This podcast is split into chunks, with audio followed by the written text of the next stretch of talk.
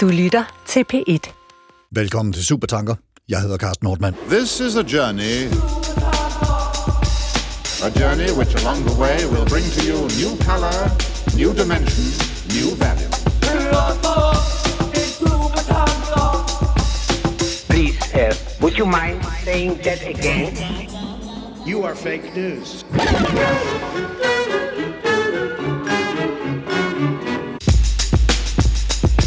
Gætter aldrig, hvad der kommer til at ske i Supertanker i dag. Det bliver en rejse. En rejse, som vil give dig nye farver, nye dimensioner, ny værdi. Spækket med Supertanker. Du er med på, hvad der sker lige nu, ikke? Fordi today a story is not told, it's sold. Sådan skrev den indiske psykolog og forfatter Amit Abraham i sin bog Personality Development Through Positive Thinking i 2004. Personlighedsudvikling, rejse, positiv tænkning, nye farver, nye dimensioner, ny værdi. Kan I mærke, at jeg sælger den?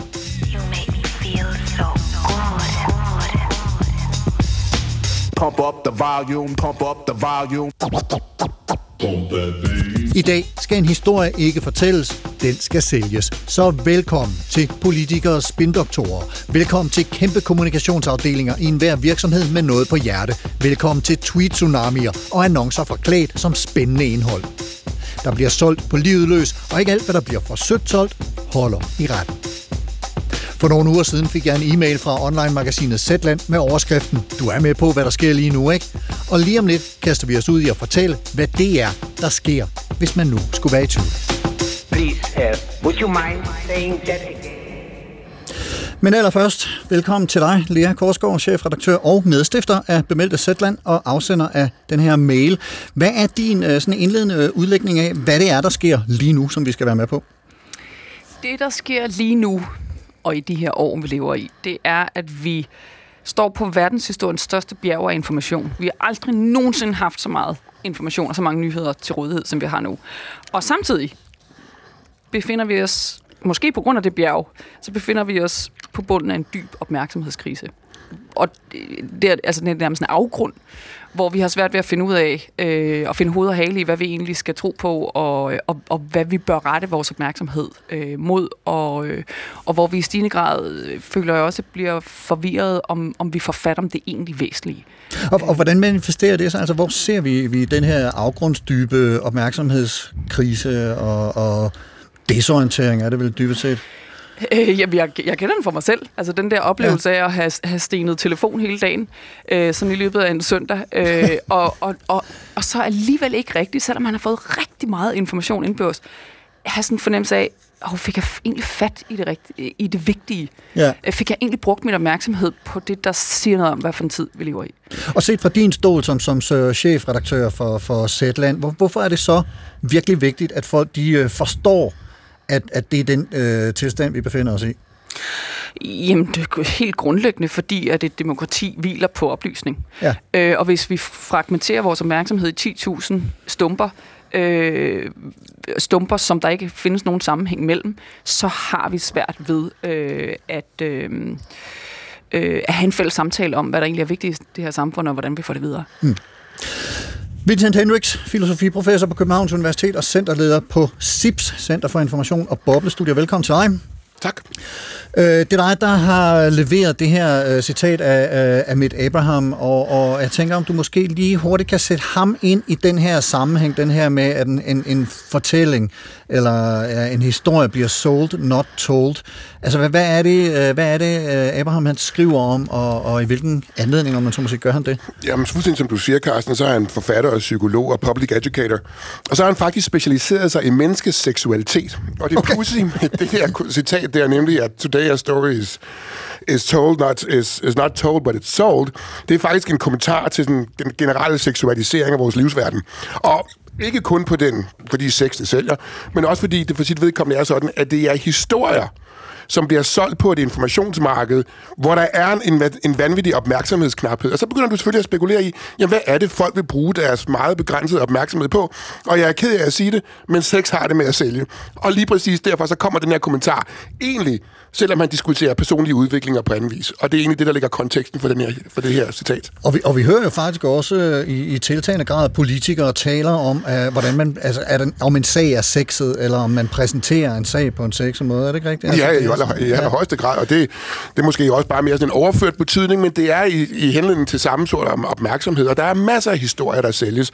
Vi har også set det i Danmark, men vi ser det specielt i USA, og vi ser det specielt lige nu i forbindelse med midtvejsvalget i USA her i, i det her år, herrens år 2022, hvor om det gælder, at der bliver diskuteret The Big Lie for eksempel, ikke sandt? Altså om Trump han har løjet om, at valget er blevet stjålet, samtidig med, at vi har The Big Steal, nemlig den omvendte hashtag, som går i retning af, jamen det er præcis det valg, der er blevet stjålet, og vi har ovenikøbet selv haft en aktiv aktie i det, ikke sandt, med guldbrændsen, som blev sendt afsted til kongressen for at vidne mod Roger Stone. Så der har du faktisk ideen om, at det er historier, der fortæller, og det vigtige med det her, det her som, som, øh, som Abraham siger, det er, det er ikke sandheder, vi kæmper om her. Så Rune Lykkeberg skrev i den her fantastiske bog, der hedder Kampen om sandhederne. Det er ikke så meget sandhederne, vi, vi, vi, vi kæmper om. Det er fortællingerne. Hvad for nogle fortællinger bliver dem, der bliver udbredt i befolkningen i forbindelse med valg, beslutningstagning og andet. Og vi har også simpler i, i Danmark, ikke? Vi har PET-sagen, vi har Mink-sagen, og som, som, som Lea også rigtig nok pointere, det er, hvordan skal vi navigere, når vi ikke kun taler om kendskærninger, men vi taler om de fortællinger, som nogen kunne have interesse i at sætte i omløb med henblik på at tage dagsordenen, mm. tjene penge, marketing af politisk karakter og så fremdeles. Og, og hvis du lige, altså fordi når, når, de ting, der sker i USA, har, har jo en tendens til at smitte af på resten af verden hen ad vejen. Hvis, hvis du skal prøve at give bare sådan et, et, et par hurtige indledende eksempler på, på de her fortællinger, der bliver solgt snarere end, end øh, fortalt reportager osv. osv. herhjemme i Danmark øh, her i, i efteråret 2022. Hvad, hvad kunne så være et godt eksempel, tænker Nå, men et eksempel er for eksempel, da Mette Frederiksen, Danmarks nuværende statsminister, stiller sig op og siger, jeg vil egentlig godt diskutere, hvorvidt Mink-sagen var en skandale. Og der er det jo et spørgsmål om, at det, der er en fortælling derude om, at det er en skandale, fordi der ikke var hjemmel til den pågældende nedslagning, de pågældende mælk, øhm, og at den her fortælling vil hun egentlig gerne udfordre. Og der er det jo lige præcis det, at vi kæmper om fortællingen. Ikke så meget om, hvad kendskærningerne længere er nødvendigvis, men hvilken fortælling, der gør sig gældende i offentligheden, og den offentligheden bruger til at formulere alt for kvalificerede, forhåbentlig standpunkter til, øh, hvad man skal diskutere rundt om middagsbordet og så fremdeles.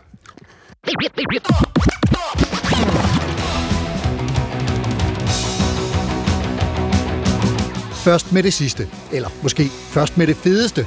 Nej, altså først det vigtigste, så detaljerne, og så baggrunden. Eller først med det allermest fængende og dramatiske. Jep, det sælger.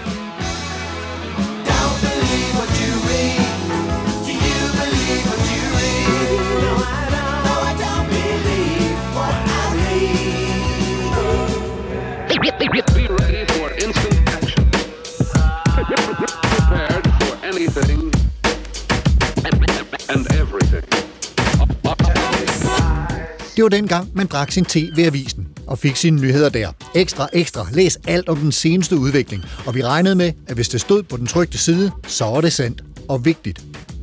Men så var der engang en i fjernsynet, i TV-avisen, der sagde, det var hvad vi havde valgt at bringe i TV-avisen i dag. Valgt her gik vi og troede, vi fik det nyeste og vigtige og uomgængelige. Skulle det nu være genstand for valg? Og senere gik det op for os, at måden en nyhed eller en historie blev præsenteret, også havde været igennem en serie valg.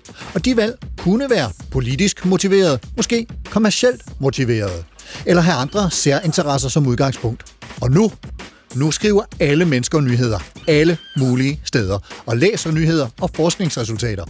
Og måske er de sande for nogen. Måske er de designet i lidt lemfældig omgang med sandheden for at få ændret en folkestemning.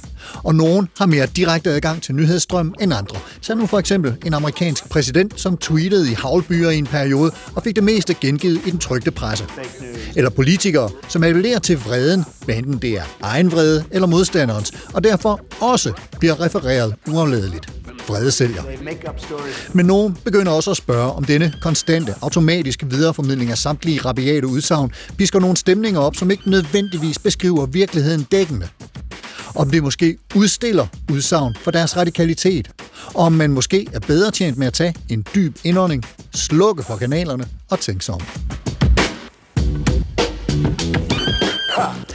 Og Vincent, hvis vi lige fortsætter lidt med øh, Amit Abraham her og hans udsagn om, at en historie i dag ikke bliver fortalt, men solgt har ikke helt det samme svung på dansk, som den har på engelsk, men altså nu, øh, nu, nu tager vi den lige, øh, så, så vi er sikre på, at vi har alle med. Hvad, hvad, er det, hvad er det, Abraham siger? Altså, hvad ligger der i det sådan rent filosofisk? Ja, det der ligger i det, som jeg også øh, han hentydede til før, det er, at det er meget intentionelt for Adams, Abrahams vedkommende. Han taler om stories, altså fortællinger. Ikke om news eller kendskærninger, men fortællinger. Og det betyder, at det han jo siger i en forstand, når han så også siger, at de bliver solgt, det er, at han siger, jamen du ved, det som man også gør i pressen og alle andre steder, nu også på sociale platforme, etc., det er, at man laver informationsprodukter. Og de her informationsprodukter, ja, de har en udviklingstid, de har en udviklingspris, med henblik på, at de kan noget. Hvad kan de? Ja, som du også siger i i den båndede optagelse, de har den egenskab, at de for deres vedkommende kan tilrane sig noget opmærksomhed. Og lidt afhængig af, hvordan de her produkter så er skruet sammen, så kan de tilrane sig mere eller mindre opmærksomhed. Og opmærksomhed er vigtig for pressen, fordi opmærksomhed for pressen i en vis forstand er, er pressen jo også en oplagt opmærksomhedskreditbanker, der udlodder opmærksomhedskreditter til sager eller personer med henblik på at fordele dividenden. Hvad enten den dividende så er penge, hvis man er et kommersialiseret medie, dagsordenssætning, eller hvad det så i øvrigt kan være. Og det, det er helt legitimt. Men det betyder selvfølgelig, at, at der er nogle greb til at gøre det her. Og hvis du nu tager, nu har vi Zetland, ikke? vi har Lea Korskov her. Jeg kunne godt tænke mig at spørge dig, Lea, faktisk om, fordi dine produkter er relativt dyre at udvikle, ikke sandt? Fordi du lever op til et publicistisk ethos, ikke sandt? Du har en bestemt retning, du vil, men du kæmper mod nogle nyhedshandlere i markedet på sociale platformer og andet sted, hvor om det gælder, at de dybest set kun svarer tilbage til eget habitus. Så hvordan regner du ud, hvad din produktionsomkostninger har lov til at være, hvis du stadig kan gøre det på markedet, når man betænker dem, du er op imod? Det er et godt spørgsmål. Jo, men det sjove, synes jeg, i vores tilfælde, det er, fordi du har helt ret, vi udgiver ret få øh, enheder om dagen, fire som regel, øh, og, og er jo øh, 50 mand i butikken eller sådan noget, så, så per enhed er det ret dyrt, øh, fordi vi bruger øh, tid og omhyggelighed på at, og, og, og, at være grundige. Øh, men det, jeg synes, der er ret interessant, og som gør mig meget håbefuld i forhold til det, vi, vi, vi taler om nu og taler om, skal tale om øh, i dag, det er, at vi kan se, at så snart, at, at de artikler, vi bruger mest tid på, er mest omhyggelige med, hvor vi har flest nuancer med, og hvor vi gør os øh, mest umage med, og, øh, med, med formidling simpelthen, altså med at forklare, hvorfor det er vigtigt det her. Det er også dem, der bliver mest læst og forbrugt og delt. Altså det, det er simpelthen en til en øh, det, vi, det, det, der tiltrækker nye medlemmer hos os, det er grundighed og nuancer.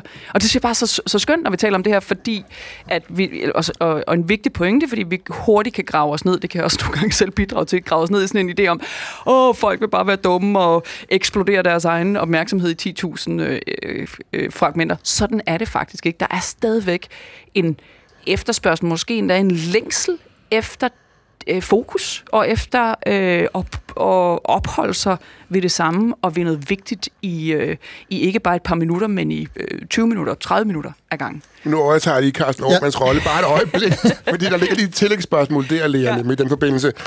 Øhm, nu havde I jo for eksempel selv en sag, hvor om det galt, at I for jeres vedkommende havde fået et interview med Lars Løkke Rasmussen, hvor om det gjorde sig gældende, det var vist i sidste uge, mm-hmm. at det gjorde sig gældende, han sagde, vi kan, man kan ikke lave en regering uden Socialdemokratiet er med. Ja. Den historie, som var vel-researchet, og som var en relativt, et lang, relativt long read, den nåede jo faktisk at få rigtig meget cirkulation i mainstream-pressen, hvad enten ja. det var på TV2 News eller Danmarks Radio, eller hvor det nu engang var henne. Er det en del af succeskriteriet også? Fordi det er jo helt legitimt, hvis det er, men er det også en, en del af succeskriteriet, at, der faktisk, at den faktisk også får cirkulation, også for eksempel i andre medier end jeres eget? Ja, helt klart. Altså, jeg synes, øh, journalistik, der ikke bliver brugt af nogen, det er nærmest ikke journalistik. Det er en form for kunstform, som bare er til for journalistens egen skyld øh, jeg, vil, jeg vil næsten sige, at journalistik per definition skal have et forholdsvis stort publikum for overhovedet at være journalistik, fordi det er derfor, vi er. Det er for at oplyse befolkningen og, øh, og ret opmærksomheden mod det, der er vigtigt. I det her tilfælde, der var det vigtigt, at øh, Lars Løkke Rasmussen, som kan, når vi går til valgurnerne om, om øh, en uges tid, øh, få, få meget stor betydning for, hvilken regering øh, vi skal have øh, fremover. Øh, at han sagde, at den regering skal skal indeholde en, en socialdemokratisk, øh, et, et, socialdemokratisk, et socialdemokratisk parti. Det er vigtigt. Så, så helt klart.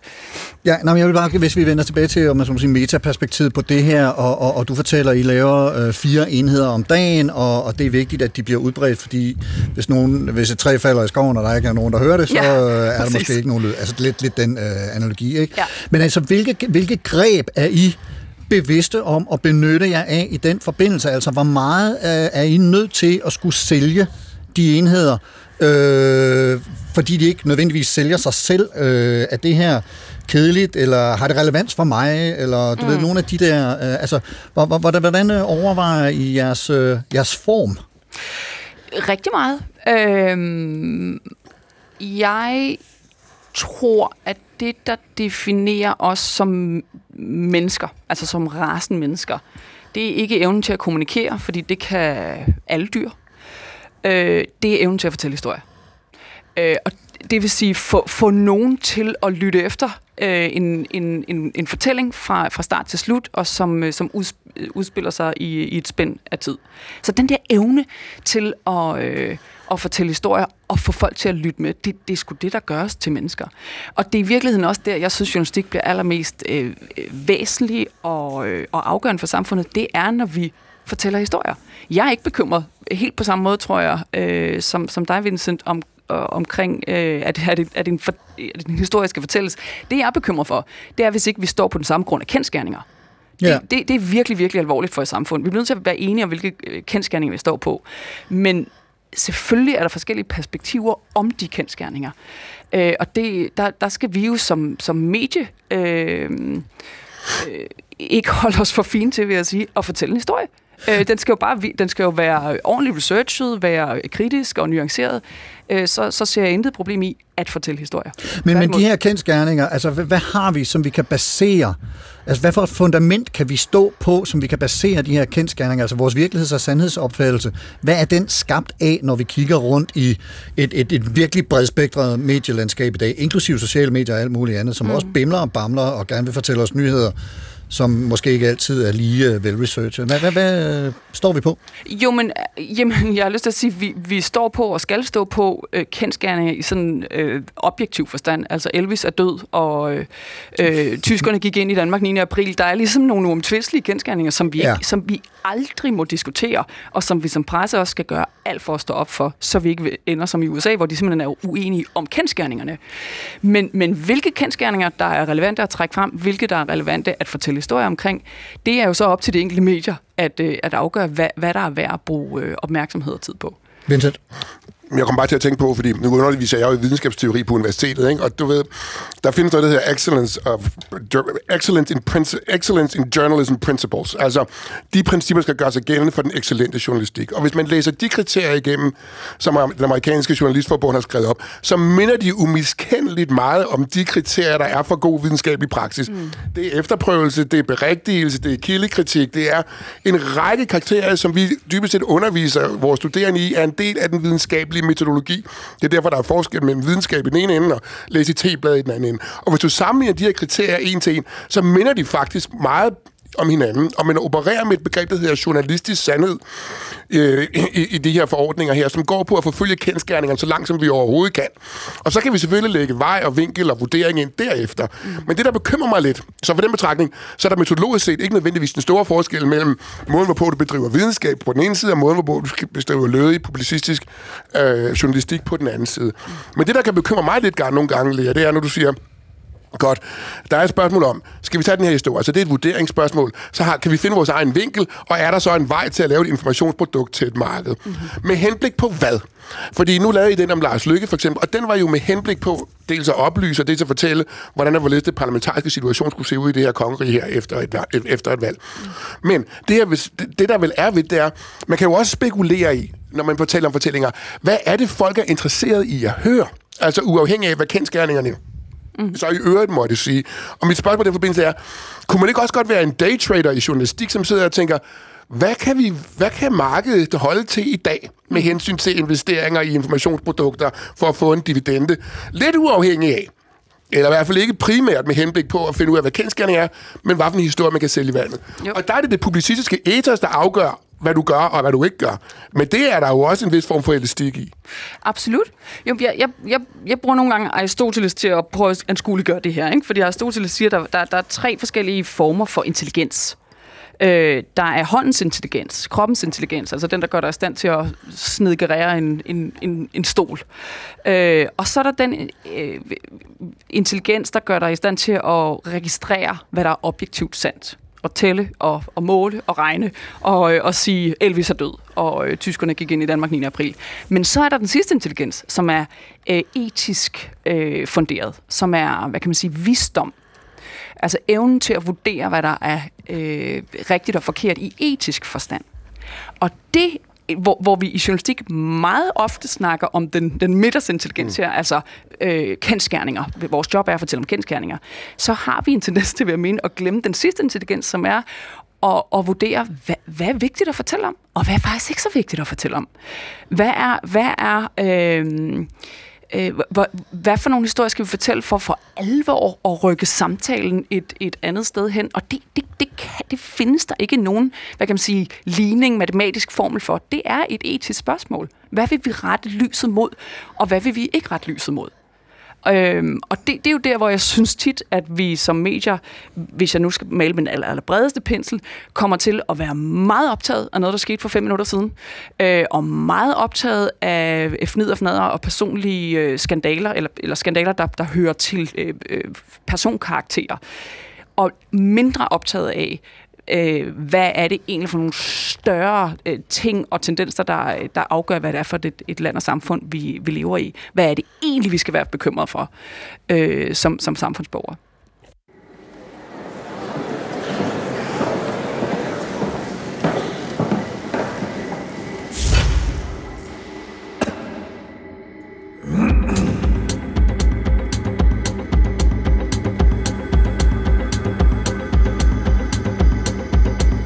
Fortæl det vigtige først. Hvem, hvad, hvor, hvornår, hvorfor og hvordan.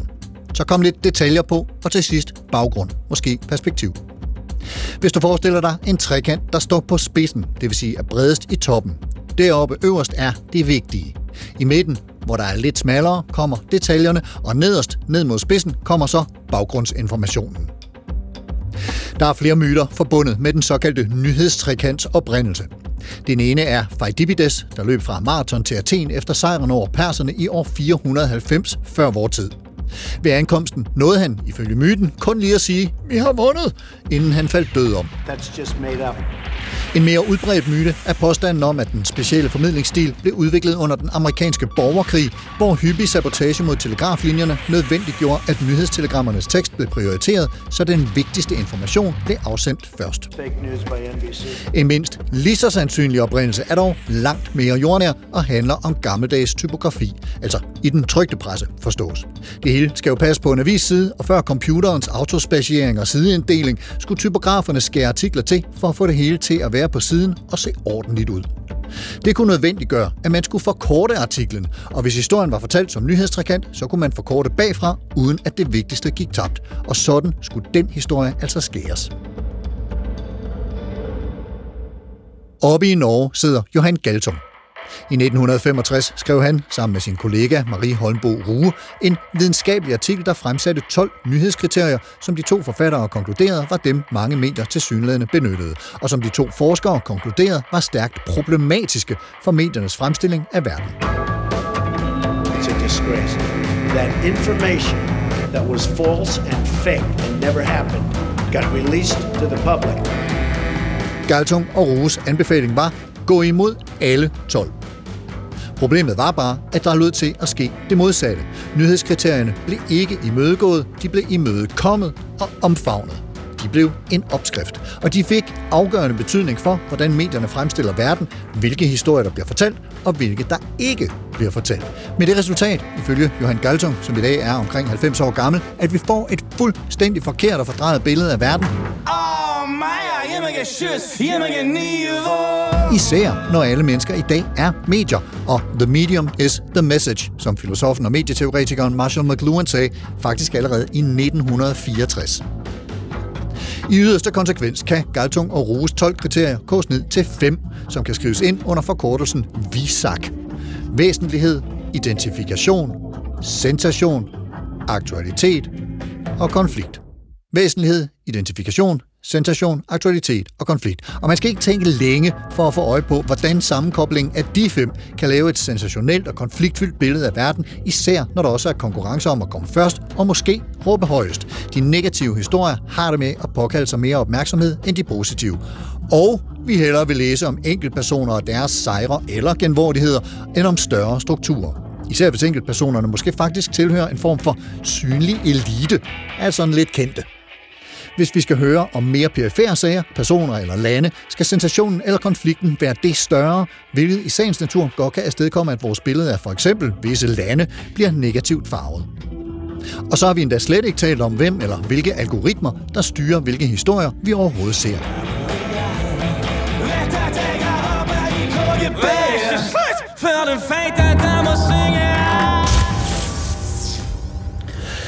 Ja, det er en jungle, tror jeg, hvis roligt man kan sige. Øh, Lea, du kaldte det historiens største informationsbjerg, samtidig med en dyb, dyb øh, opmærksomhedskrise. Har du et bud på, hvordan vi skal bære ad og orientere os i det?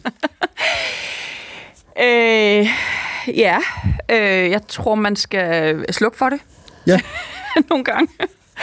Jeg tror faktisk, det, altså, det, det er jo oplagt øh, meget afgørende at, at finde frem til troværdige nyhedskilder og bruge dem øh, for at kunne, kunne danne et indtryk om, hvad, hvordan den verden kører, der ligger uden for den, man, man selv kan erfare sig til. Men, men derudover tror jeg faktisk, det er helt afgørende øh, samtidig at, at slukke for den telefon. For simpelthen at få ro i pæren. Øh, læse en bog, øh, tale med en ven. Øh, gennem, jamen altså, det lyder så enkelt, altid og det, godt, og det er ja. det sådan set også. Gennem tiden er der jo den ene fremtrædende tænker øh, og forfatter efter den anden, som har peget på, hvor afgørende det er, at med, med Virginia Woolfs ord, at have sit eget værelse. Altså have et, et både fysisk, men i høj grad også mentalt eget værelse, hvor du kan gå ind og lukke andres øh, blik, domme, meninger og holdninger ude. Fordi det er derinde myndighed gror. Det gror også i samarbejde med andre, men det gror også ved at kunne være alene øh, med sine egne refleksioner. Og det rum, det tror jeg er et øh, truet reservat i dag. Vincent? Jeg plejer at sige helt i overensstemmelse med det, som Lea siger, nemlig at skrue ned for hastigheden, hvor med at du formulerer din mening. Altså det interessante er jo ikke at have en mening. Det, øh, ignorance er også en mening, den er bare ikke så frygtelig interessant, men det er også en mening trods alt. Det interessante er, hvorfor du har en mening. Det betyder, hvad er præmisserne, der går til grund for, at Lea mener det ene, og jeg mener det andet. Så uafhængig af, om Lea og jeg for vores vedkommende vælger at blive enige eller uenige, hvis vi tager den tid, det tager for at prøve at forstå, hvorfor er det, Lea mener A, mens jeg mener ikke A, så er jeg under alle omstændigheder fået en bonus netop, at jeg er blevet oplyst om, hvorfor Lea mener det ene, og jeg mener det andet. Ikke at hun gør det. Det egner sig bare rigtig dårligt til 140 tegn på Twitter. Og det er lige præcis det, der nok er problemet i vid udstrækning, nemlig at meninger er lette at have. Men forudsætningerne for meningerne, det tager noget betydeligt længere tid at gøre dem klart. Og det er der, hvor oplysningen ligger uafhængig af, om vi ender med at blive enige eller uenige. Larry Clarkson Flint, ham der startede Hustler Magazine, han sagde engang, Opinions are like assholes, everybody's got one. Og det er selvfølgelig meget vulgært sagt. Altså meninger som røvhuller, alle har et. Men der er, noget, der er et græn af sandhed i det, nemlig, ja, meningerne er lette nok. Det er forudsætningerne for at have dem, der tager tid. Og det er lige præcis den tid, hvor med at vi vælger ikke nødvendigvis at formulere en holdning, men prøve at forstå, hvad forudsætningerne for et bestemt standpunkt er. Det er der i, hvor ligger oplysningen ligger, ikke at vi har den. Og der har vi en situation nu, hvor om det gælder, at den her opmærksomhedskrise, vi står i, den tilsiger ikke, at vi bruger tid på det, nemlig at prøve at afgøre, hvorfor den ene mener det ene, og den anden mener det andet. Men det bliver, at vi forveksler det med, at det at have meningen er det samme som også at blive oplyst. Og det er to forskellige ting. Mm. Men, men jeg har også lyst til at gribe fat i noget af det, du sagde øh, i den her forbindelse for, for, for et øjeblik siden, Vincent, med at de her uh, Principle of Journalistic Excellence, øh, altså journalistisk øh, moralkriterier er det vel dybest set, og sammenligne dem med videnskabelige. Og det er jo super fedt, at, at, at vi kan gå, gå alle mulige journalistiske produkter efter i sømne, men det er jo ikke alderen værd, der ligesom har tiden eller ressourcerne, eller hvad pokker ved jeg, til at gøre det. Altså, når vi bliver, som læger siger, bombarderet fra alle mulige kanter, uafladeligt med alle mulige historier, og den ene er mere flashy og spændende og interessant end den hinanden, hvordan søren skal vi så komme til at, at, at, at anvende de der øh, journalistiske øh, slash øh, videnskabelige kriterier? Men det er der også et svar til, nemlig det her, du kan prøve at fornærme folk på rigtig meget. Du kan for eksempel sige, Ebbe Vincent, du er også mulat. Så vil jeg sige, ja, det er sådan set sandt, det kan jeg ikke gøre så meget ved. Men hvis du siger til mig, Ebbe Vincent, du er også dum som en trykimponeret havelov, så vil jeg sige, ah, giv mig trods alt i, i hvert fald et argument, eller sagt på en anden måde. Der er ingen mennesker, mig bekendt, som har lyst til at blive fornærmet på deres begævelse. Det er ikke noget, som vi som mennesker sætter særlig stor pris på. Og hvis det lige pludselig bliver klart, at vi er ved at blive fornærmet på vores begævelse, enten fordi der er nogen, der prøver at løbe om hjørner med os, eller sætte en historie i vandet, som vi godt ved for vores vedkommende, ikke kan, ikke, ikke kan holde vand, ja, så er det, at vi typisk reagerer på det. Det er derfor, at hver gang, at der er dobbeltmoral, så bliver det altid, så bliver det altid afdækket. Hver gang, at folk de siger, at man gør noget andet, det bliver altid afdækket. Sagt på en anden måde her. At hvis man tager udgangspunkt i, at det, det interessante er ikke nødvendigvis, at jeg mener, men hvorfor jeg mener. Og også det her med, jeg har ikke lyst til at blive et fjols for nogle andres dagsorden, fordi jeg ikke har sat mig ned og brugt lidt tid på at oplyse mig selv og andre ved samme lejlighed. Så er det, at jeg bliver fornærmet på min begavelse. Og det er der ingen mennesker, der for deres vedkommende kan lide sønderligt. Der er jo lov til at være uenighed, men fornærmelse på nogle begavelse, det er ikke noget, som for os som mennesker er noget, vi gerne vil sætte særlig stor pris på. Så hvis man tænker det på den måde der, så er der også en naturlig stopklods for, hvor meget jeg egentlig vil have en kvalificeret mening om. Og hvis jeg ikke har en kvalificeret mening om det, så er det nogle gange, så er det bare ved at sige, så har jeg faktisk ikke noget. Jeg tillader mig at være agnostisk om det her, og det er ikke en forlitterklæring. Nej. Men, men det, er jo, det, det er jo interessant det der, fordi øhm, vi har jo i nogle år... Øh, efter det blev klart for os, hvad det var, de sociale medier gjorde ved vores øh, offentlige samtaler og, og bevidsthed, så var der mange, der gik rundt og, øh, og, øh, og havde sådan en, en, en forestilling om, at det, der var problemet ved sociale medier og, og mediesystemet øh, i det hele taget, det var, at vi lukkede os inde i ekokammer, hvor vi kun blev eksponeret for meninger og holdninger, som, som var øh, lige vores egen.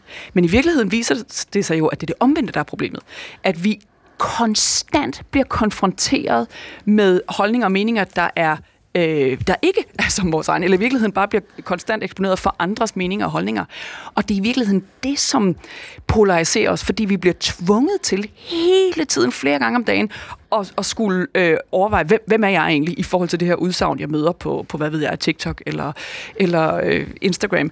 Og så, og, og så, skal vi, så oplever vi jo hos os selv, at vi skal have en holdning. Hvorfor egentlig? Hvorfor? Det er jo ikke sikkert, at vi skal have en holdning om hvad som helst. Præcis. Og derfor så tror jeg, der, der er et eller andet, vi har, vi har behov for at komme tilbage til, nemlig øh, noget så kedeligt som, som den gamle dyd selvbeherskelse.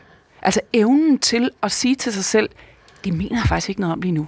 Eller det, det, det, det, det, det, det det kan jeg ikke sende et like efter, inden jeg har læst selve artiklen, eller jeg kan ikke dele den her øh, artikel, fordi jeg, jeg endnu ikke har læst en artikel, der siger det modsatte.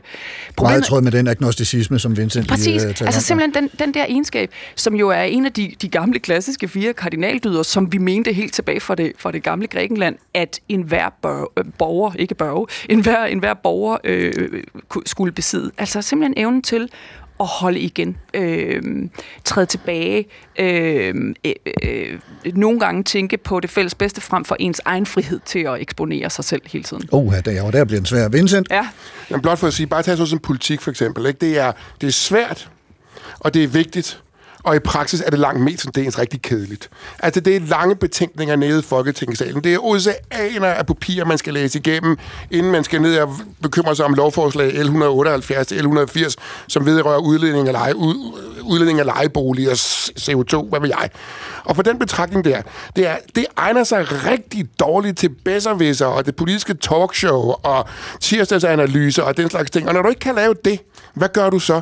Ja, så reducerer du det til det, som folk umiddelbart kan få en, formulere en mening om, og ikke tillade sig at være agnostiker omkring, fordi de ikke har baggrundsviden til det. Og hvad kan du der?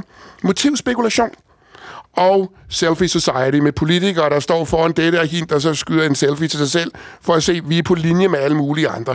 Og hvis du reducerer politik til motivspekulation, og så det, der, det man ved, der virker i en opmærksomhedsøkonomi, ja, så kan det decideret have den egenskab, at det for sit vedkommende går hen og bliver et demokrati undergraven, fordi det, som problemstillingen egentlig handler om, den når du aldrig i nærheden af. Og, hvis, og det interessante med politikerne, de har regnet den der ud.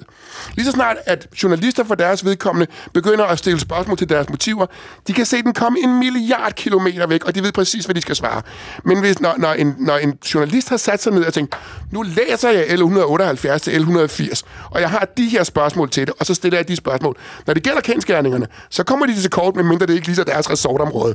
Og præcis der lige der, er der, hvor om det gælder, at journalistikken for sit vedkommende har sin aller ypperligste vagthundsrolle, nemlig at lave ved den, den checks and balances funktion på kendskærninger, på sagforhold, og på det, som i øvrigt udgør politikken, som for der langt vigtigt vedkommende aldrig rigtig egner sig til at være på andet end cisbæren, og det bliver aldrig nogensinde set. Hvis du laver transmission ned på Folketingssalen, der er ingen seere til det. Og det er egentlig Men det er ærgerligt. jo fordi historien også skal fortælles nemlig. Ja, og det må den også Altså, gerne blive, ja. men det er det, det er der, hvor dit publicistiske ethos bliver rigtig, rigtig vigtigt lige pludselig så også lærer, ikke sandt? Fordi ellers så kan du hurtigt henholde dig til, det der er det, der er gode kliks i, det er bare ikke specielt interessant, og motivspekulation, det er altid underbestemt af evidensen. Ja, ja. Og der er sket noget interessant i journalistikken. Lige, hvis vi går tilbage til Watergate, der synes jeg virkelig, der er noget... Øhm, jeg, jeg tror, så mange ting i moderne journalistik kan forklares på baggrund af den kæmpe skandale, som det vidderligt var, og som affødte noget af det bedste journalistik overhovedet, men som også, øh, og, og noget journalistik, som, som også øh, lige siden har fået os til at jagte øh, personlige skandaler.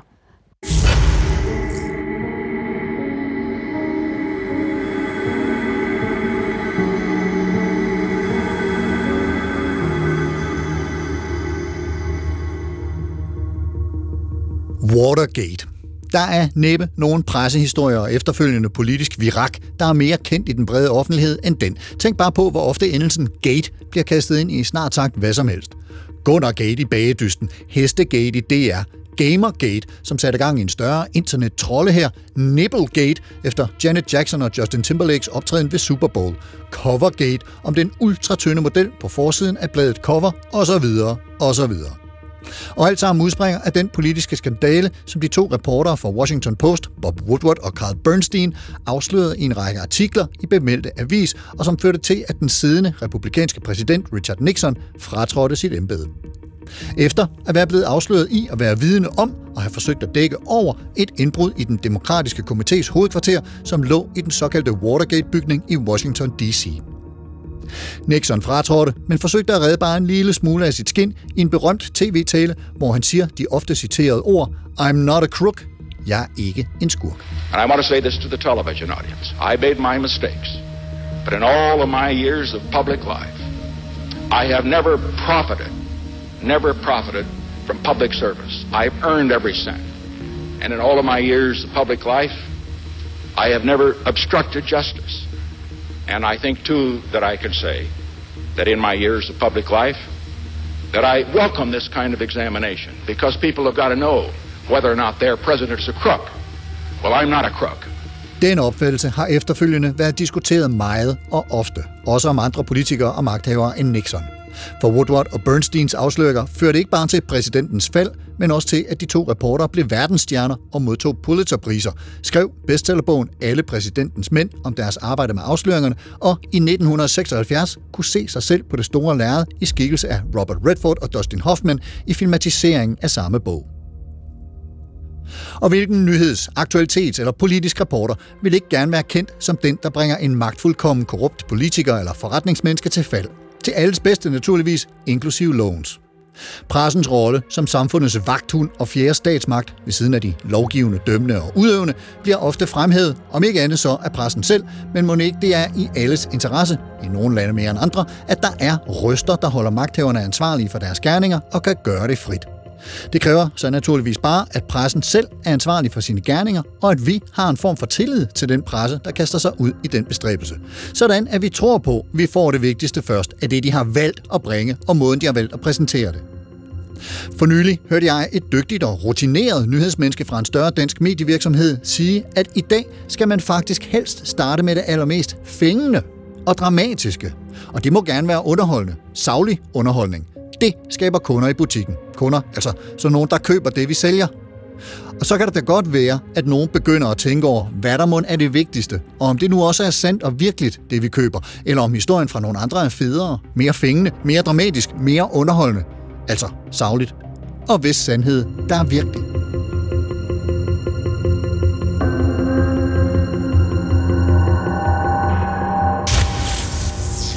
Stop, stop. I journalist og forfatter Anne Applebaums fremragende bog Demokratiets tusmørke fra 2020 kan man læse lange passager om, hvordan visse politikere, som har været en del af en skrivende presse eller flittige brugere af sociale medieplatforme, til synligheden helt bevidst har viderebragt mere eller mindre lemfældige sandheder, for nu at sige det pænt, med henblik på enten at fremme deres egen dagsorden, eller så tilpas meget tvivl om andres til, at modtagerne, det vil sige serien, lytterne, læserne, ikke aner, hvad der er op og ned. For eksempel fortalte en engelsk veninde mig på et tidspunkt, det var i forbindelse med Brexit-afstemningen, at hendes frisør ville stemme Leave, fordi hun havde fået at vide, at EU ville forbyde den engelske dronning. Hvil i fred. Vincent Hendricks, hvis nu vi øh, kigger rundt i vores øh, aktuelle virkelighed, øh, hvor, hvor kan du så udpege øh, både, både de her salgsteknikker, der bliver taget i brug, og så måske også deciderede løgne, der skal få vores fundament til at vakle? Nå, men vi kan bare gå tilbage til sidste uge, sådan set. Der havde vi et, et pressemøde nede på kastellet, som ikke var så heldigt mellem Søren, hvor Søren Pape Poulsen og Jakob Ellemann Jensen og resten af Blå Blok for deres vedkommende efter, efter Lars Finsen-bogen der ville kræve, at der skulle være en kommissionsundersøgelse, hvilket sådan set, der var stor enighed om hele vejen rundt. Øh, når det så i øvrigt er sagt, så var der et par ting, der blev sagt, som var decideret forkerte. For det første, at det var statsministeriet, der havde udsendt den her pågældende pressemeddelelse. Det viser sig så, at det var tilsynet fra efterretningstjenesten. Det måtte Jacob Ellemann så også for sit vedkommende sidenhen indrømme på Ekstrabladet. Og så var der så lige den anden ting ved det, nemlig at man var meget travlt optaget af at prøve at miskreditere regeringen for sin håndtering af den her sag omkring Finsen. Og samtidig var der også en anden sag, som lå og rulle, nemlig den der Samsam-sagen om en en, øh, en, en, en, en, dansk, en dansker, som for sit vedkommende havde tilrettet sig, som havde været en del af øh, en terrororganisation, som vi til vedkommende sig i fængsel, men som for sit vedkommende også antageligvis havde arbejdet sammen med den danske efterretningstjeneste, Altså, eller flere af dem. agent, ja. Og som skulle, så, skulle den her så også, den her kommissionsundersøgelse, skulle der så også være en der, og det nægtede de faktisk at svare på ved den, betræk, ved den lejlighed der, fordi de sagde, jamen det her, det handler om noget andet.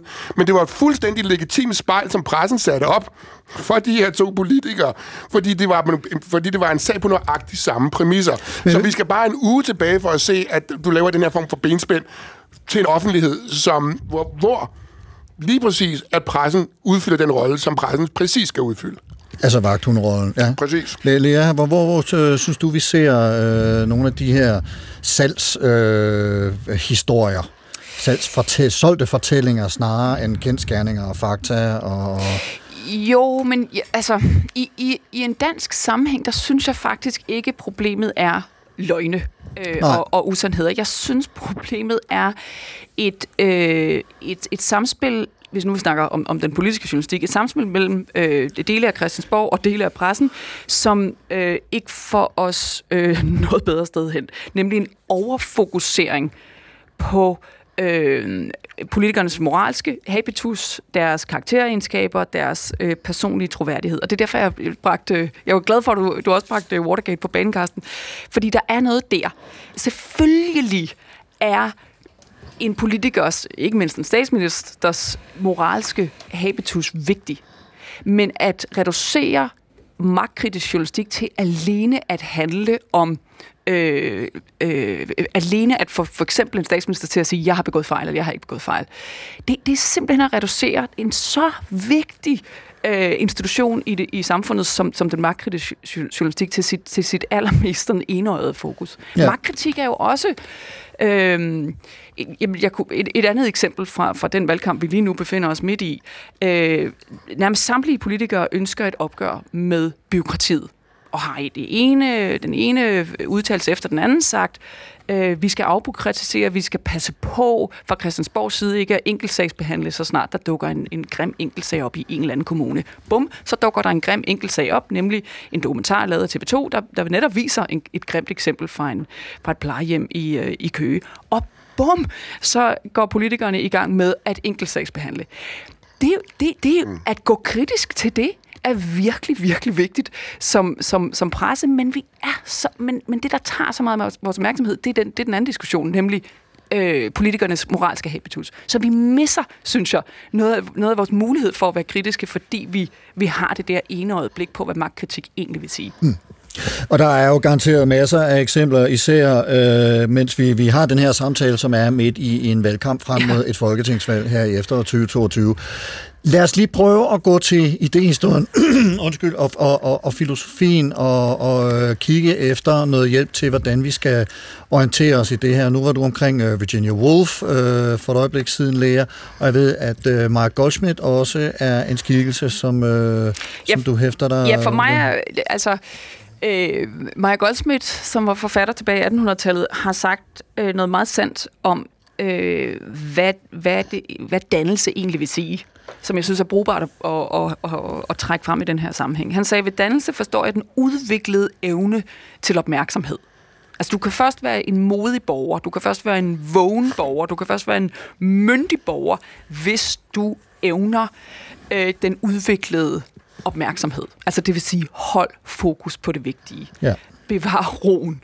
Øh, øh, hæv dig over øh, larmen dybest set. Men det er jo også i forhold til en opmærksomhedskrise jo, jo lige præcis det, vi har brug for. Præ- præcis, og, ja. jeg, og jeg synes, det er så vigtigt at, at, at gribe fat i, fordi at i virkeligheden hele tænkningen findes der. Vi kan bare, vi kan bare gribe til fat i, fat i den og, og, og sige, prøv lige at se, de så allerede rigtigt dengang, hvor, hvor vi øh, øh, talte om, hvad der skulle til for overhovedet at have et demokrati med hinanden, nemlig den udviklede evne til opmærksomhed. Vi skal passe meget på, at vi ikke er ved at smadre den opmærksomhed, fordi den er forudsætningen for, at vi kan være tænkende mennesker i et sammenhængende samfund. Mm. Vincent, med hvilke bud vil du øh, smide ind her i, i øh, tænkere, der kan hjælpe os med at orientere os i den her jungle af, af information og opmærksomhedsmangel, eller hvad vi nu kalder det? Ja, der, der er et par stykker eller tre. Altså, i første omgang vil jeg, vil jeg henholde opmærksomheden til Neil Postman, der har skrevet bogen Amusing Ourselves to Death. Og så har undertitlen Public Discourse in the Age of Show Business. Altså den offentlige samtale i en showbiz-tid. Og den er fra 1985. Han er medieforsker, var medieforsker, døde i 2003, var medieforsker på NYU og skriver den her fuldstændig fantastiske bog om strukturen af dynamikken af en presse og en offentlighed, der for sit vedkommende henfalder til infotainment. Og hvad der er for nogle greb, der gør sig gældende, og strukturen og dynamikken af det. Og det er før internettets tid at bemærke. Og den, bliver, og den får sådan en revival i forbindelse med, at Trump bliver præsident i USA. Men den er meget, meget, meget forudseende for en tid, hvor om det gælder, at nettet slet ikke er på plads. Så det er en meget vigtig bog til en forståelse af strukturen og dynamikken i det. Så er der et par andre, jeg gerne lige vil nævne, hvis vi lige tager fat i det her omkring opmærksomhed. Der er selvfølgelig Herbert Simon, som præger begrebet opmærksomhedsøkonomi der tilbage i 71. Og han diskuterer med det her spørgsmål om, at der er meget information til rådighed, men der er ikke særlig meget opmærksomhed, og derfor kommer det til at, at lige pludselig at være et informationsbjerg og en opmærksomhedsmangel. Men han tager ikke den anden del af det, som vedrører det at modtage opmærksomhed, og hvor vigtigt det også er. Og det der er en anden tænker, der har gjort så meget andet, er Geo Frank. Og han er egentlig østriger, og han er arkitekt, og han er økonom.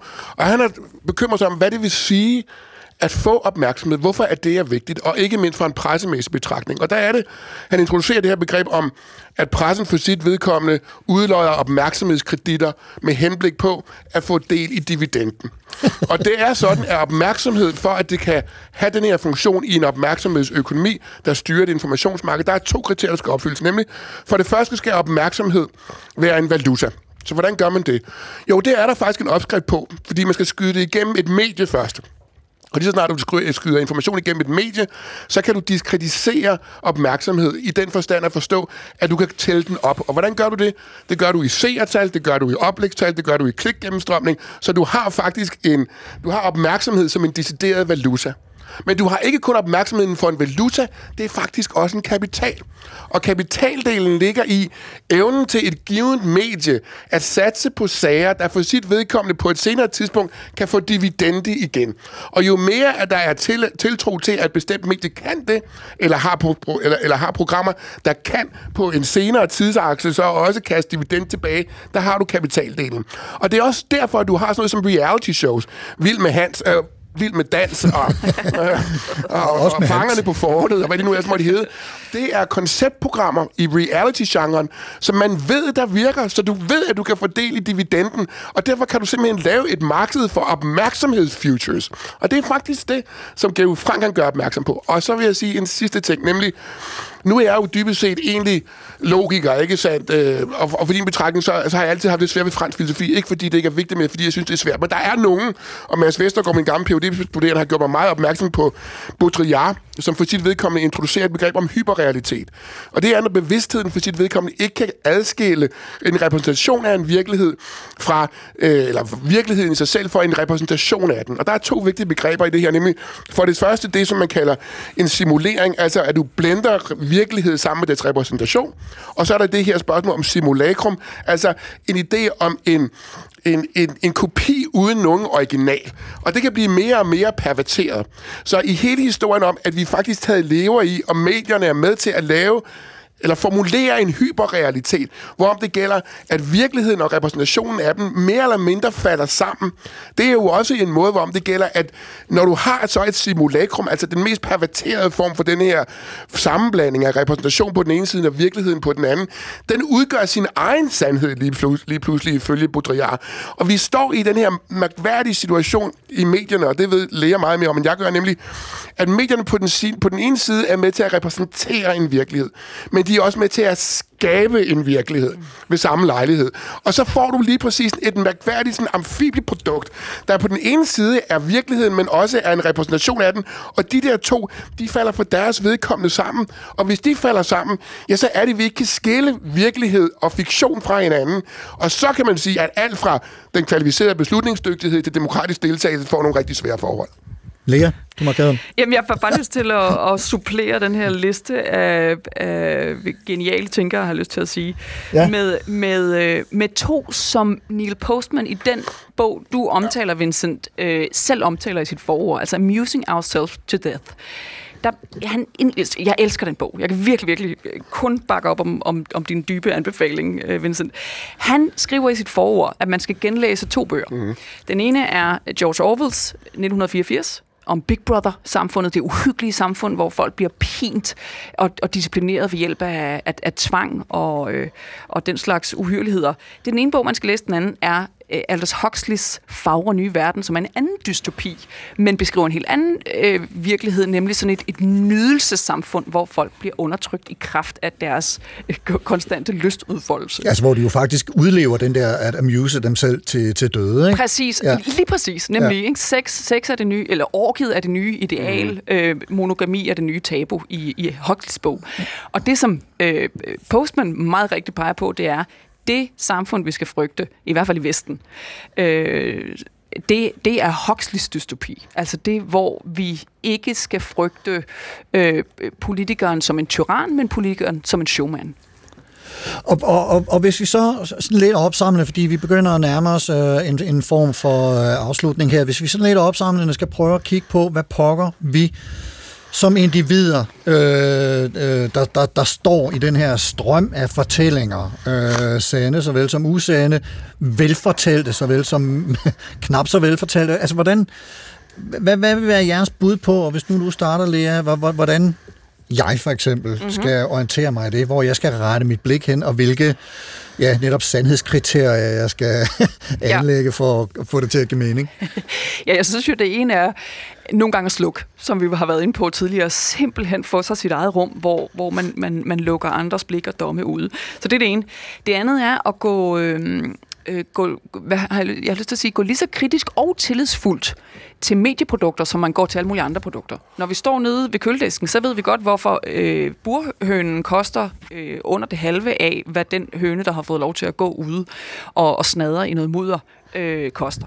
Og det, sådan, sådan er det jo også med medieprodukter. Altså, øh, der der er, det kan godt være, det ved første glimt ligner hinanden, men der er meget stor forskel på, øh, hvad, der, hvad er arbejdet, der ligger inde bag ved, øh, ved de enkelte artikler, eller de enkelte øh, nyhedsudsendelser eller dokumentarfilm. Øh, så det der med at udvikle evnen til at, at, at, at, at fornemme, hvornår, hvornår er der noget solidt på færre, og hvornår er det noget, der faktisk ikke rigtig fortjener min Men det er jo svært. Altså, de er jo er blevet enormt svært. dygtige til at kamuflere øh, discountprodukter superprodukterne som noget troværdigt lækkert. Ja, det er det nemlig. Men øh, jamen, og der er jo ikke andet for, end, end at kultivere sin, øh, sin både kritiske sans, men sådan set også sin tillidssans. Altså finde frem til øh, jeg har lyst til at kalde dem vise øh, mænd og koner, som ved, hvad de taler om, og som har års erfaring med at, at skrive eller, eller, eller tale om, om det, de fortæller om. Øh, der, der er simpelthen ikke nogen anden vej uden om, om det stykke øh, kildekritiske arbejde for den enkelte. Hm. Vincent, lige afsluttende for dig. Ja, nummer et er, vi skal lige huske på, at da Trump han bliver valgt som præsident i USA, er der tre bøger, der bliver udsolgt, udsolgt for Amazon.com. Det ene, det er 1984, det andet, det er Huxley's, og det sidste, det er Hannah Arendts bog om, yes. om, om totalitarismens genese, ikke sandt? Så du ved, sagt på en anden måde, vi ved det jo også godt. Ja. Vi ved det også godt.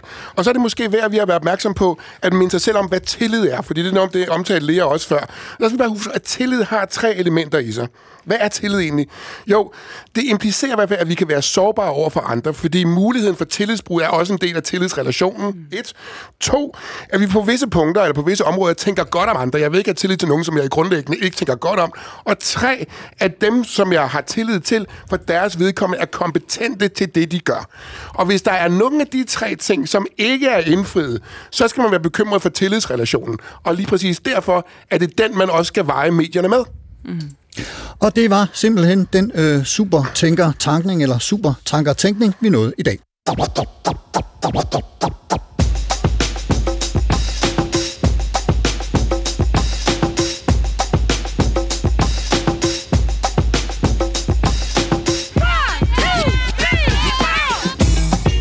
Og der er selvfølgelig mulighed for at genhøre både denne dags øh, tænkning og en masse andre supertanker i DR Lyd, eller hvor du ellers finder stream og podcast. Lea Korsgaard, chefredaktør og medstifter af Zetland. Tusind tak, fordi du kom og foldede mediebilledet og virkeligheden, intet mindre, ud for os i dag. Tak skal du have. Tak fordi jeg måtte komme. Det var en fornøjelse. Vincent Hendricks, professor i filosofi på Københavns Universitet og centerleder ved Center for Information og Boblestudier, også kaldet SIPS.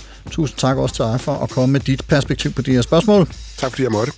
Og som altid, mange, mange tak til dig, kære lytter, for at lytte med. Besøg eventuelt Facebook-siden Carsten Nordmann Radio, hvor man kan se anbefalinger fra Lea og Vincent, musikplayliste og skrive risros eller kommentarer. Hvis man ikke er på Facebook, eller synes, at alt, hvad der foregår der, er fake news, så kan man skrive på mailen supertanker og hvis du kan lide, hvad du hører, så del det med venner og familie, som forhåbentlig har tillid nok til dig, til at de stoler på din anbefaling, på din sandhed og din virkelighed. Programmet i dag var tilrettelagt af mig. Jeg hedder Carsten Nordmann. Programansvarlig er Mette Line Torup. Ha' en rigtig god uge og på genhør.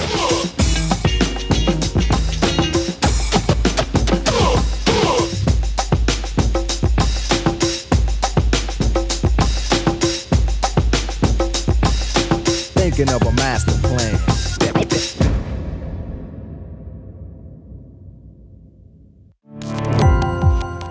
Gå på opdagelse i alle DR's podcast og radioprogrammer. I appen DR Lyd.